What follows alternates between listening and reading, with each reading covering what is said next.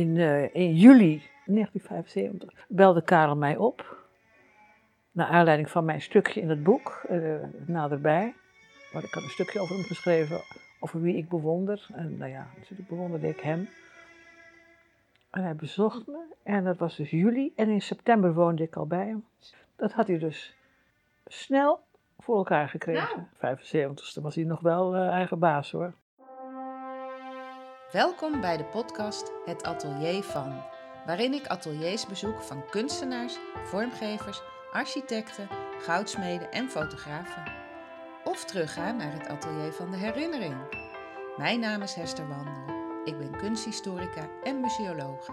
En ik ben geboren in een atelier. Ateliers zijn de rode draad in mijn leven, door mijn werk in musea, maar ook het kunstenaarschap van mijn moeder. Ga je mee naar het atelier van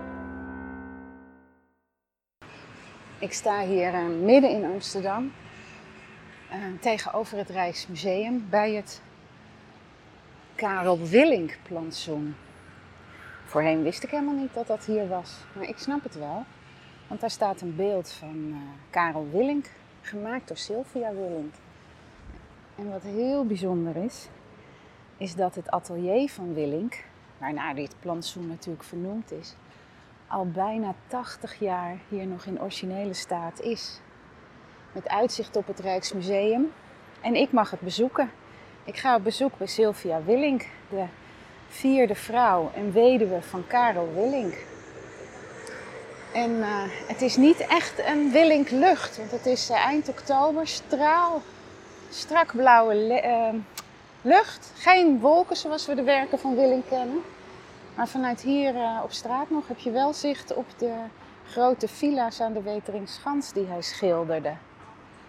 Oh, ik ben niet de enige die bij haar bezoek gaat. Er klimt nu een uh, glazenwasser, een hele lange ladder op. Precies. Nee, niet precies bij het atelier. Die wil natuurlijk ook naar binnen kijken. Maar ik mag naar het atelier en daar kan zijn ladder niet bij. Dus ga je mee, dan uh, je hoort de stadsgeluiden nog. Dan gaan we op bezoek in het atelier van Karel Willink. In 2024 bestaat het, nou nee, bestaat het niet 80 jaar, dan bestaat het 150 jaar, want dit pand is uit 1874. Maar dan is het 80 jaar geleden dat hij er uh, begon. En uh, nou, ik ga aanbellen, derde etage. Zonder afspraak geen bezoek. Nou, ik heb een afspraak. Ja? Ja, hier is Hester. Oh, ja. Ja. Hallo. Er is meer bezoek, hè? Ja, de glazenwasser. Ja, nou, dat moet ook gebeuren. Hallo. Zo.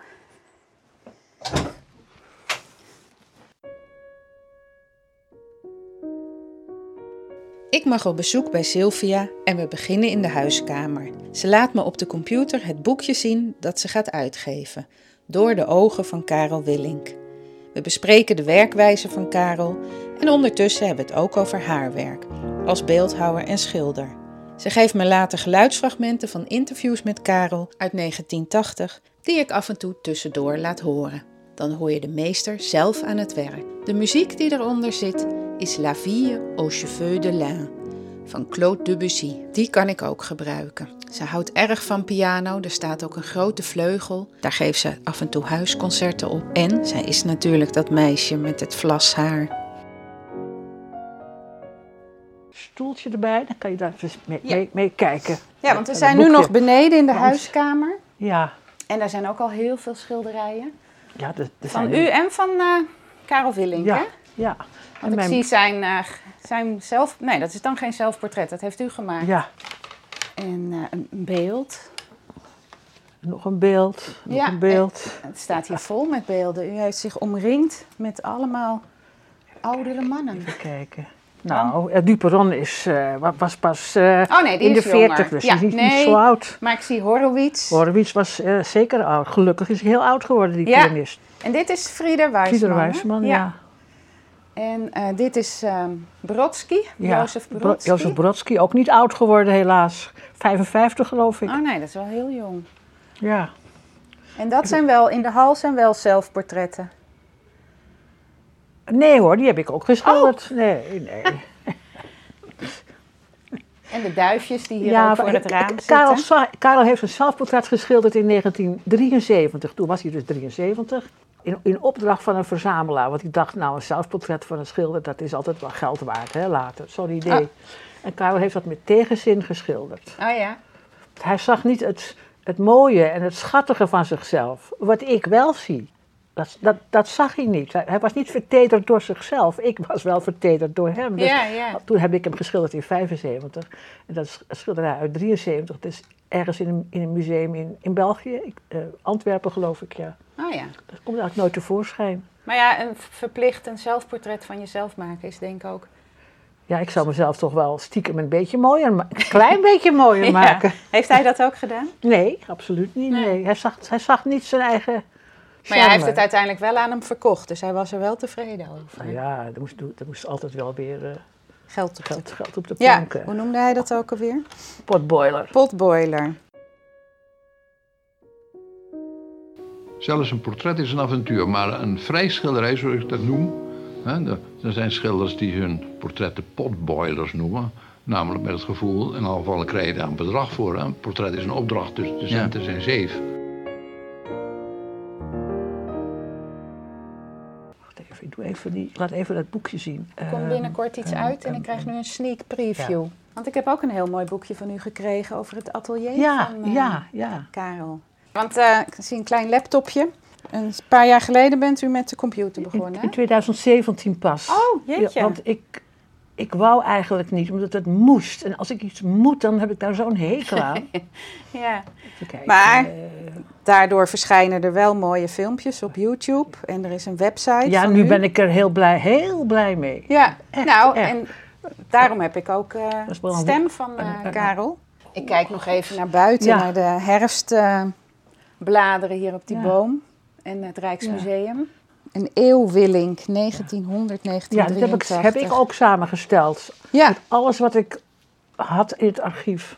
Ja, een mooie foto voorop waar, waarop je hem aan het werk ziet. Ja, Met een eh, even ergens iets indouwen. palet. Het is een zwart-wit foto en het blauw van de letters Willink Ja, want hij eh, hield van blauw. Ja, Hij, nou. zei, hij zei blauw, dat is een filosofische kleur. oh, En nou, hier, hier, in huis, hier in huis is, is ook alles blauw. Zeg maar alle ramen en, en, en eh, lambriseringen, noem maar op, is allemaal blauw. De deuren zijn blauw. Ja, de Dus- banken. dus, eh, de banken zijn blauw. En die passen ook bij die lucht van hem, die ook een beetje, eh, niet knalblauw zijn, maar zo'n beetje... eh, Ja, vergrijsd blauw is? Grijs, groen, blauw. Een beetje Ja. bij, tegen turquoise aan bijna. Ja, heel mooi. Want hij zei, eh, ja, blauw is de kleur van het oneindige niets. Mm. Dat is zeg maar waar de zee en de, en de, en de, en de lucht elkaar in de verte zo eh Net als het atmosferisch perspectief Ja, bij de Goed zo. Vlaamse eh, Ja.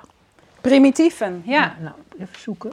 Nou, wat ik ook leuk vind, dat heb ik natuurlijk vorige week al gezien, dat de boeken hier op kleur staan. Dat bevalt Oh, ja. me zeer, want dat heb ik thuis ook. Oh ja, zeker op Geeft kleur. een beetje rust. Zeker, dat, dat door elkaar van al die kleurtjes. Daar Ja.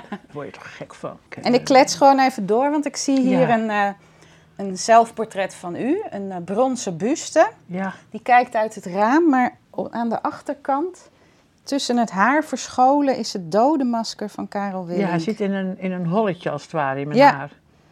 Want Hij, Altijd. hij noemde zichzelf een angsthaasje. Oh ja? Ja. En nou zit hij hier verscholen. Ja, ja. Ik met- ik zei, nou, het was, het was toen een, een boek en een film. Waterho- Waterhouse Down. Waterhouse Ja, Down. met dat liedje over, van... over, eh, over konijnen. Over Ja. konijnen. Heel mooi boek, heel mooie film ook. En er was één konijntje, die heette Pfeiffer.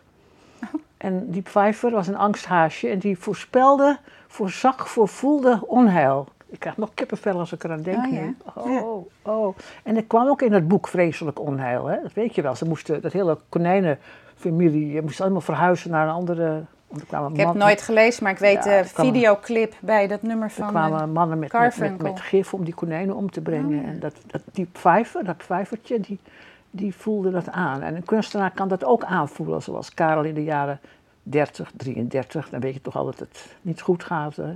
En, maar hij heeft, zegt maar nooit bewust, zegt hij zelf later, eh, dat onheil voorspelt. Nee. Net zoals Cassandra, die wist ook niet precies wat er ging gebeuren. Toen kwam de oorlog en ik kreeg toen de naam van de voorspeller geweest te zijn. Maar dat is natuurlijk niet waar.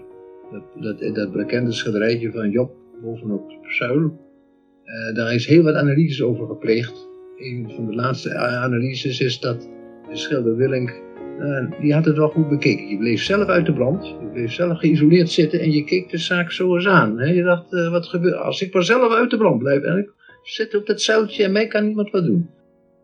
Maar dat kwam onheil, dat kan je voelen. Dus maar, zeg maar, Dali heeft van die voelsprieten zo aan zijn snor. Ja, ik zie het aan de lucht. Ja, ja. Mensen kijken op, uh, op hun uh, mobiel of er regen aankomt. Ja. En dan denk ik altijd, kijk gewoon maar, naar buiten. Maar als, er, als, er, als Karel dus huizen schildert met zo'n zo'n lichte uh, bovenrand... Mm -hmm. is het natuurlijk mooi als daar een donkere kleur, een donkere lucht achter zit. Het is niet altijd dreigend bedoeld. Je ziet hier de mooiste luchten voorbij ja. komen. Het zijn composities op zich. Ja. Die dan in een paar seconden weer vervagen. Ja, want nou. het is wel opvallend dat er geen willinkluchten nu en, zijn. En, en dan pakt hij snel zijn camera, een kloens. Nooit van gehoord. Uh, een kloens, ja. Het Rijksmuseum heeft erover geschreven, ook in een boekje, over zijn foto's en over zijn, zijn camera. Uh, Mattie Boom. En dan ging, pakte hij razendsnel, uh, pakte hij die lucht, ja. Zo van, die moet ik hebben. En dan uh, gebruikte hij later die ja, foto's en voor dan zijn wat, werk. Dan denk je, wat past er eigenlijk bij? Dat was zo en zo en zo, ja, ja, ja. Ja, daar zegt hij ook iets over, hè? over het componeren van zo'n schilderij. Ja, dat zou ja, ik laten ja, het horen. gaat om de sfeer, zegt hij ook.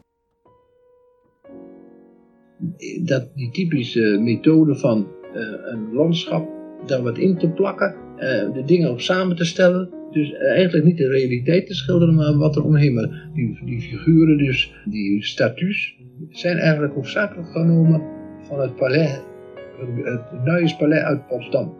Dan was ik op bezoek naar mijn oude vriend uh, Björns Hangler. Had ik daar een serie foto's gemaakt van al die verschillende plastieken die er stonden. En die vond ik zo curieus, omdat het waren idealiserende Hollanders geweest die die dingen toen gemaakt hebben. En uh, die dingen heb ik toen gebruikt om uh, die schilderijen te maken, een statuue met jachtslot en een statuue met uh, nog een ander ding. En die serie is toen erg succesvol geweest, die heb ik allemaal verkocht. Sommige interviewers vragen dan ook echt, wat bedoelt u nou eigenlijk? En dan geeft hij ook eerlijk antwoord. Maar meestal vragen ze niks of ze, of ze hebben interpretaties van zichzelf. Ja. Zo komen dan die ideeën in de, in, de, in de wereld. En dat blijft ook maar zo dat, die, dat het allemaal dreiging is. Maar dat is ook vaak absurditeit. Er zit ook humor in zijn schilderijen. Dat zien de mensen ook niet. Nee. Dus er zit heel veel liefelijkheid in. De dieren, hè? En de, vooral de dieren ook, ja. Die liefelijke dieren. Want dan uh, ging hij naar Artes met zijn camera en met zijn schetsboek. En dan uh, met het, het, schetsboekje, die zijn nu bij het Rijksmuseum. Mm. Uh, legde hij, tekende hij zo'n zebra of een ander dier, dan legde hij de kleuren vast. Zette die erbij? Ja, zette die erbij. In zijn handschrift zie je dan de kleur.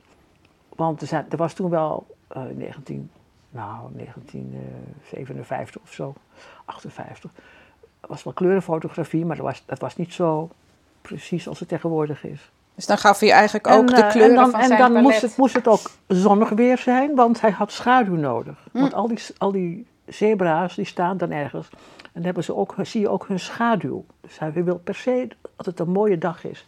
En dan kijkt hij en naar die zebra's, hoe ze erbij staan en liggen. De eerste twee keer heeft hij een slapende zebra geschilderd. En dan zie je zo dat, dat bolle buikje van die zebra en die, die dijbeentjes zo liggen.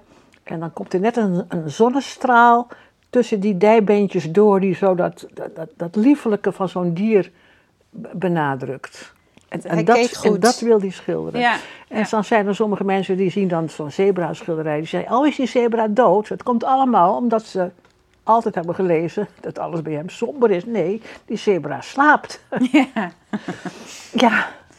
En uh, zegt hij, heeft hij daar zelf dat ook over verteld? Ja, of? ja, en, ja. en bijvoorbeeld dan zijn er daar twee giraffen. En dat is echt een paardje. Met de hoofdjes bij elkaar. Heel, heel lief. En hij had natuurlijk ook medelijden met die dieren, dat ze, dat ze opgesloten waren. Maar ja, dat moet wel, anders worden ze afgeschoten in Afrika. Ja, dus ja het precies. Is echt, het is wel een beetje dubbel bij echt Artis. wel uh, belangrijk dat ze er zijn. En dan, uh, ja, dan zet hij ze in een mooi park neer. Park de Versailles bijvoorbeeld. Of hij zet ze Park des Sceaux, een ander park. De neushoorns heeft hij geschilderd, die ook heel erg bedreigd zijn. En die waren niet in Artes, toch? Of wel? Ja, die waren Toen in wel Artes, nog. zeker, zeker, zeker. Oh, dat, nou, uh, ja. Ik weet alleen het nijlpaard. En de miereneters heeft hij geschilderd, Oh, ja. twee soorten miereneters. De Yurumi en de Tamandua, dat zijn twee soorten. Nou, De ene is groot en leeft op de grond met van die hele grote klauwen. En de andere is klein en die kan ook in een boom. En die komen elkaar dan tegen bij de Crooked River. Die bestaat echt ja. in Amerika. Op, eh, op een schilderij komen Ja, ze elkaar ja, tegen. Daar komen ze, ja. daar komen ze elkaar tegen, ja. ja, want hij com- componeert dat dus echt. Ja, Als een Ja, componist en stelt dat- hij het samen. Ja, ja, er gaat Ja. altijd heel wat denk- denkwerk aan vooraf. Denk- denkwerk en doewerk, schetsen, foto's maken. Ja. En dan valt mij wel eens iets in waar ik toevallig ben. Zo heeft Artis mij verleid om een serie dierenschilderijen te maken. En achteraf blijkt hoe gek dat in deze tijd past. Want eh, ik, ik vind dieren in een, in in een diergaarde altijd iets droevers hebben. Iets uh, overwonnenheid, terwijl het toch eh, in die beesten de, fantastische natuurlijke zit. En eh, merkwaardig dat, eh, dat me dat toen overviel toen ik die, die. Toen ik die... eh, die, dat kamelen eh, laat ronddraven in de Versailles. Dat was een tijd, en de slangen zelfs. Eh, Ik heb zo'n gevoel, eh, merkwaardig, in vereniging met die overgecultuurde maatschappij van ons, die beesten gaan ten onder. En nu, een tien jaar later zie ik hoe op het ogenblik een propaganda gemaakt wordt voor het behoud van de diertjes, of de, de ropjes, en het behoud van dit, het behoud van dat, het verlies van dat. En die schetsboeken kan je ook eh, op de website van het Rijksmuseum helemaal inzien. Gedeeltelijk, gedeeltelijk, voor zover ze daar al gedigitaliseerd zijn, kun je ze bekijken. Ja, Oh ja, mooi. Het is toch altijd Ja, leuk als ja. je dan echt de hand van de ja. Meester ziet. ja dus eh, daarom, ehm, ja, kijk, ik heb het eeuwige leven niet. En dan denk je, de tijd gaat dringen, je moet een beetje eh, ordenen en opruimen. Dus Ja. die schetsboeken, hup, naar het Rijksmuseum. Ja. Daar zijn ze in goede handen. In de depots zijn ze veilig. Nou ja, dat is het mooie van nu met die digitalisering. Iedereen kan het dan bekijken zonder dat Ja. het eh, Ja. door handen wordt aangeraakt. Maar ja, het echte ding zelf is natuurlijk het leuk. Op verzoek kunnen mensen erin kijken. Ja. Met handschoentjes geloof ik aan. De handschoentjes geloof ik. En dan is er toezicht op dat Ja, niemand het, eh, natuurlijk. onlangs heb ik de coronatijd gebruikt om al die catalogie vanaf 1923 tot, tot, eh, tot, tot, tot heden eigenlijk, om die eh, te fotograferen en te nummeren en over te, over te dragen aan het stadsarchief. Oh ja. Daar zijn ze ook heel zorgvuldig. Die hebben ook een heel groot Depot? ja, depot. Ja. ja. Want als, als alles hieronder loopt, hè, je weet het, de zeespiegel dreigt. Ja, de- de- die dan is dreigt, het weg, eh, ja. Dan, dan staan ze in het depot misschien nog ja dat, droog. Hopen we maar. dat hopen we maar. Maar inderdaad, u bent een soort conservator van de Willing-collectie. Ja, absoluut. Maar en gebruiker ervan. al En- jaren. Ja. Al, al, al ruim 40 jaar. Ja, Want het 1975. brengt mij ook altijd weer bij hem. Ja, hij is niet ver bij weg zo'n- Bij hier. zo'n mooie werk. Ja, want ik leerde, ik heb hem helemaal niet gekend, maar ik leerde het werk kennen door Simon de, ja, de zuilenheilige, want die was altijd in de trein. En vanaf 1975 kwam ik in Amsterdam. Dus mijn, mijn vader ging hier wonen en dan had je in de trein dat eh, openbaar kunstbezit. Bezit. Oh, daar stond hij in, ja. Zuilenheilige, dat eh, was ik geïnspireerd door een, een fotootje dat ik gezien had in een, ja, ik geloof in een van de Engelse krant, van een afgebrande stad waar mensen naar stonden te kijken. En dat, die stad inspireerde me tot de constructie van een stad op bergen, want dit was maar een gewoon volksstadje. En die achtergrond was dus helemaal gelukt. En toen moest die voorgrond, net zoals bij de Jobstijden, moest gedramatiseerd worden. Ik heb dus een tempel geschilderd. En ineens dacht ik, ja, het moet, het moet menselijk worden. Het kan niet alleen wat ik altijd doe. Lege landschappen zijn hier niet op zijn plaats. En ik heb mezelf dus eh, keurig netjes met een lakentje om, heb ik me als heilige met een baard gepromoveerd. En zo, en zo kende ik het werk van Willink. En, eh, maar u leerde hem echt kennen in 1975. Ja. In die tijd was er een zekere Verkuil. Die wou, had het plan om een boek te schrijven waarin dus een ketting zonder einde bijna voorkomt. Dat wil zeggen, X schrijft op Y, Y schrijft op Z, Z schrijft enzovoort en zo gaat het door. En hij was dus geweest om te beginnen bij onze grote Nederlandse, Nederlandse dichter Roland Holst. En die, die, had over, die had een stuk geschreven over Carmichelt. Carmichelt die was juist geschilderd door Sylvia Kiel. En die dacht, ik schrijf een stukje over Sylvia Kiel. En dat stukje had hij dus naar Sylvia Kiel gebracht voor Kuil. En die had gedacht, wie schrijf ik? ik? Schrijf over degene die ik bewonder. En dat is de schilder Karel Willink. En toen kwam voor Kuil bij mij en zei, wat wil jij nou doen? Er wordt over jou geschreven, over wie wil jij nou schrijven? En toen dacht ik, dat is een aardig idee. Ik wil, dat was ook een leuk verhaaltje. Ik wil die Sylvia Kiel weer leren kennen, want ik had er alles een paar maal gezien. En ze had een diepe indruk op gemaakt. Maar ja, ik was toen getrouwd man. Ik eh, dacht, uh, ik ga niet uh, dingen doen. En toen was ik op een keer was er een. En daar was zij ook. En daar had zij ook een schilderij hangen. En toen zei ze, toen had ik er dus, nadat ik er een keer gezien had, hier nu begroet. En toen had ze de moed om te zeggen, ondanks dat Mathilde er ook stond, wil je even naar mijn schilderij komen kijken? Dat is beneden ook tentoongesteld. En toen ben ik met haar meegegaan. En toen zijn we naar het schilderij gaan kijken. En toen, toen langs dat blonde wezen liep, had ik het gevoel, kon ik hem maar in mijn armen sluiten. Maar dat kon natuurlijk niet. En dus, toen die verkuil dus bij me kwam en dit verhaal, toen dacht ik, dit is mijn kans. En toen heb ik erop gebeld. In, uh, in juli 1975 belde Karel mij op. Naar aanleiding van mijn stukje in het boek, uh, naderbij. Want ik had een stukje over hem geschreven, over wie ik bewonder. En nou ja, natuurlijk bewonderde ik hem. En hij bezocht me. En dat was dus juli. En in september woonde ik al bij hem. Dat had hij dus snel voor elkaar gekregen. Nou, zo meteen met een koffertje ingetrokken. Op de 75ste was hij nog wel uh, eigen baas hoor. Ja. En toen was u 32. Nee, de, nee. Nee, uh, 31. 31. 31, ja. 31. Want toen kwam u van, waar woonde u toen? Oh, ik had ergens een atelierwoningje. Oh, met atelier, ja. Atelierwoningje had ik van het stadhuis gekregen als kunstenaar. Toegewezen gekregen. Nou ja. Oh ja, hij heeft nog even bij mij gewoond ook, ja. Nog, uh, hij heeft nog twee weken bij mij gewoond, ja. Toen zijn we hier naartoe gegaan. Nou ga je mee. en nooit meer weggegaan? Nee, natuurlijk niet. Nee, wie heeft... Nou ja, de buren hebben het ook, uitzicht op ja, het Rijksmuseum. Ja, maar je, hoe hoger, hoe mooier. Ja, zeker. Karel heeft altijd hoog gewoond. Ik trouwens ook. Altijd wel derde etage. Misschien dat dat ook je blik zo beïnvloedt. Want als je zijn schilderij ziet, het is altijd een, een lage horizon en heel veel lucht. Oh ja. Een hele lage horizon. Echt heel veel lucht. Heel veel ruimte.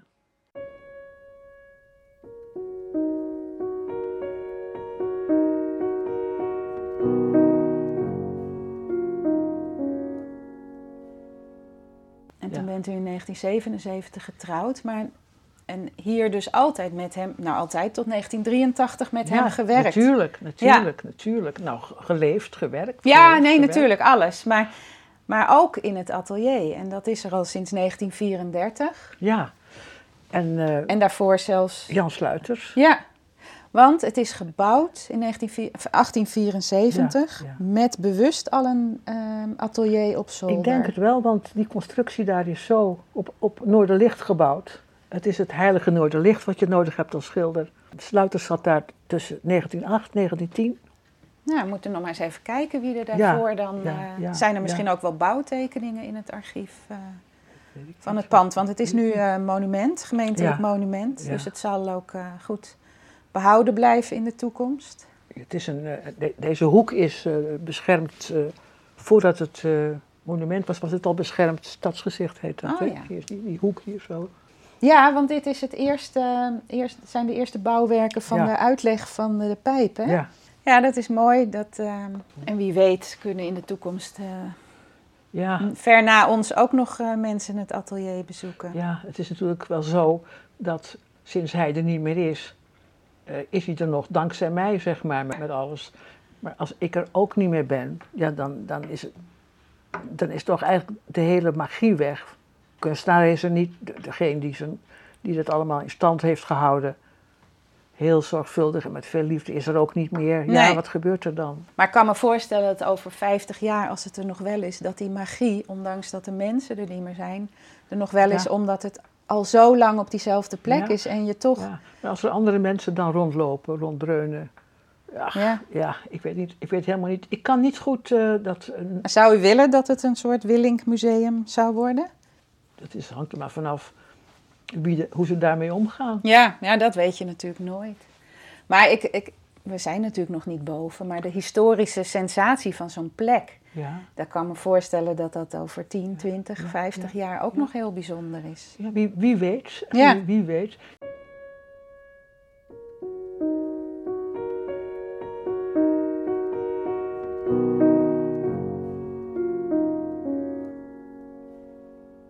Kijk, dit is dan, dit is dan eh, kijk, dit is, dit is Ams- Mooi. Amsterdam door de ogen van Karel Willink. Oh ja, We zitten, hier zitten we op, Ja. de, op de, is, dat is hier, dit, is hier, dit raam. dat Ja, Is, ja, dit is de, de tekenschool. ja. En eh, wie kwam er toen fotograferen? George Verkuil. Speciaal eh, in opdracht? Of, eh, Wij hebben, jazeker. Wij wilden, wij wilden door hem gefotografeerd worden Oh, zoals ja. wij wilden. En wij zijn zo gaan poseren. En ik, Oh, en dat zijn alle plekken ja, waar die dan... ja, ja. En dan is hij met, al heel bereisd als hij jong is met zijn ouders. ja. Met zijn jongste broer ook. En dan reist hij in 28 naar, eh, helemaal tot aan de Pyreneeën met zijn, met zijn eh, eerste vrouw en een, en een Duitse studievriend. Hm.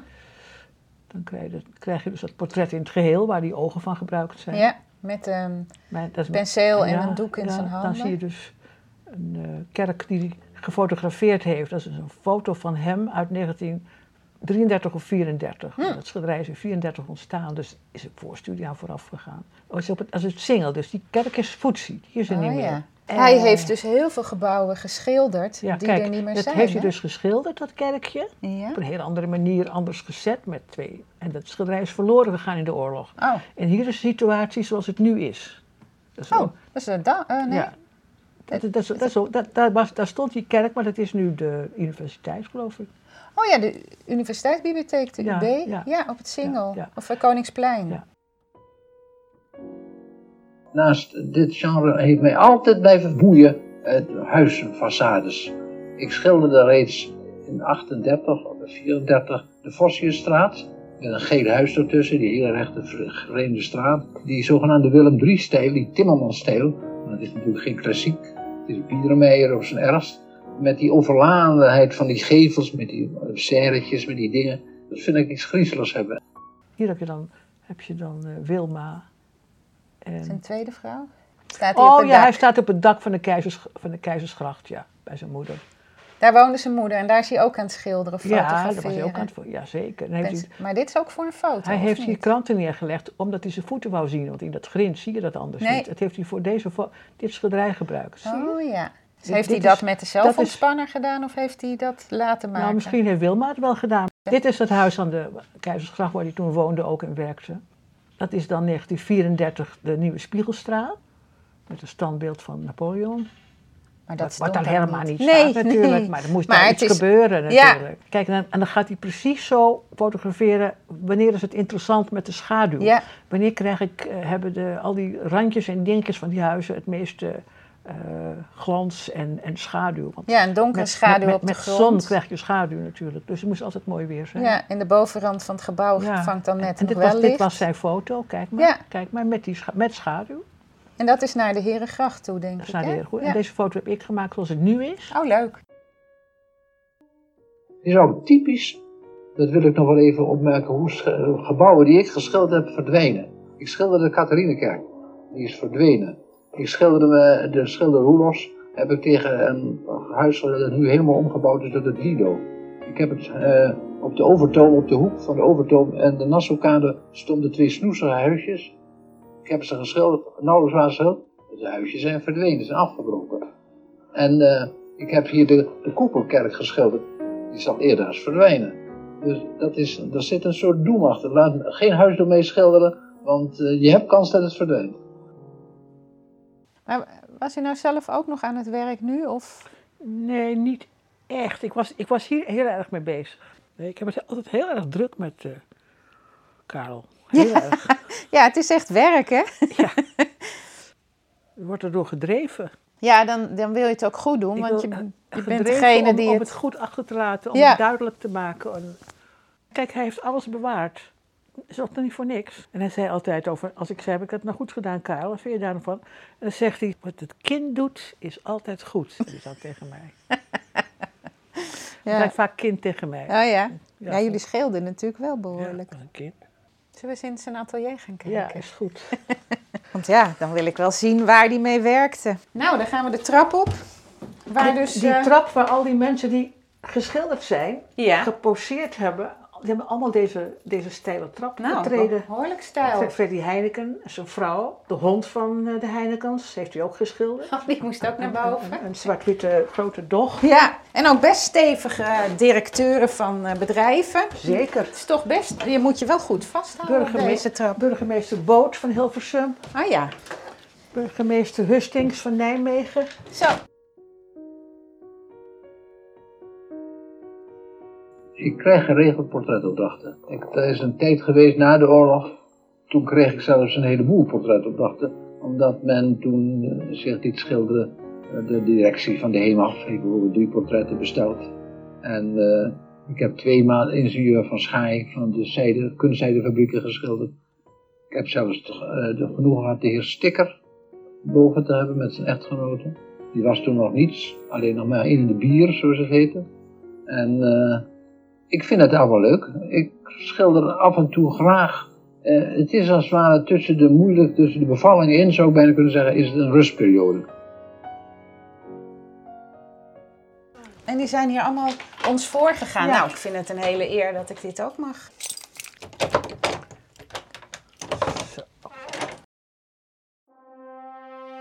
Dan gaan we eindelijk het atelier in, maar dat hoort u in de volgende uitzending. Volg mij ondertussen op Instagram, het atelier van, en word lid van de Facebookgroep Het Atelier van.